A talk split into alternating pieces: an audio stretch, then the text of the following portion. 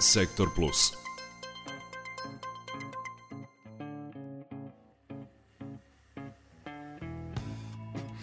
Slušate program od Adoše Radio Novog Sada, temperature u Vojvodini od 0 do 2, Novi Sad, Zrenjanin i Banatski Karlovac su na 2 stepena, Palić, Sombor, uh, Kikinda na 1, Sremska Mitrovica je na 0 stepeni.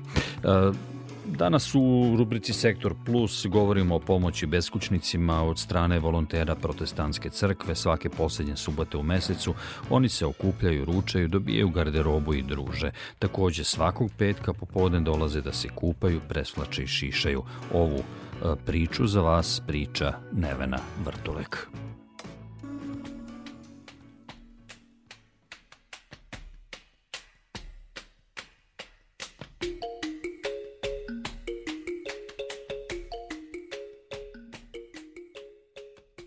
74-godišnja Branislava, bivša balerina i glumica, od početka akcije Ruka za druga dolazi svakog petka i poslednje subote u mesecu na druženje, kupanje i zajednički ručak sa volonterima.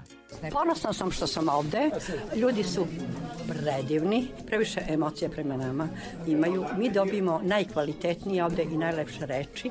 Pa meni je dovoljno svaki petak i ovako uh, zadnja subota u mesecu. A, gospodin Branko daje sve od sebe, konkretno je on za ovu akciju, ali daju svi, svi, svi su u saradnji, pa čak i ja. Volonter u protestantskoj crkvi Branko Vujasinović kaže da su oni njegovi prijatelji slučajno došli na ideju da organizuju humanitarnu akciju Ruka za druga.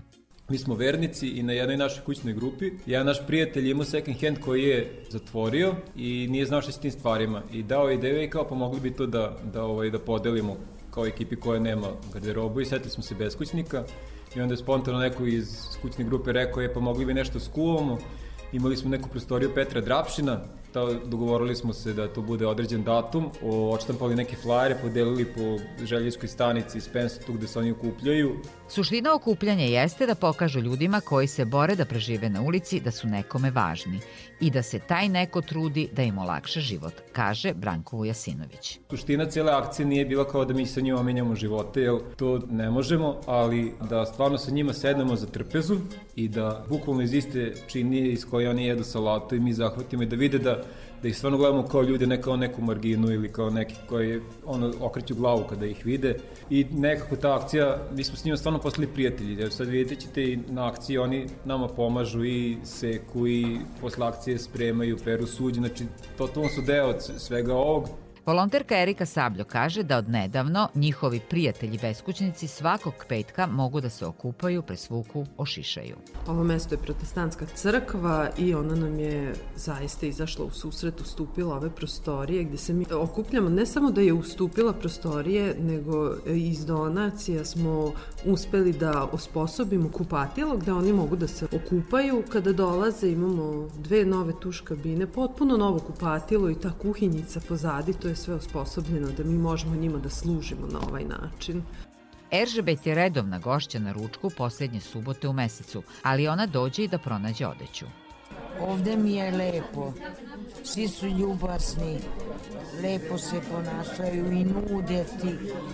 I recimo, meni sad hvali jakna, našla sam sebi jaknu i patike i tako živim sama.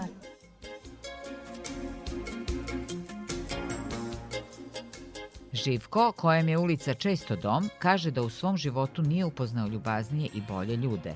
Volonteri koji su sa njima stalno u kontaktu nabavljali su mu nekoliko puta lekove. To je uvek sa osmehom, to je uvek, eh, bože, to, to nemam, mislim, nema čovjek reči to da opiše, ali imam baš baš bogato životno iskustvo.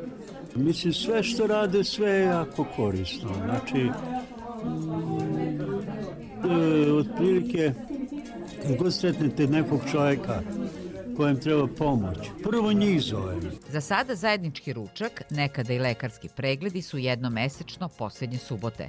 Zašto to okupljanje nije češće, objašnjava volonterka Erika Sabljo.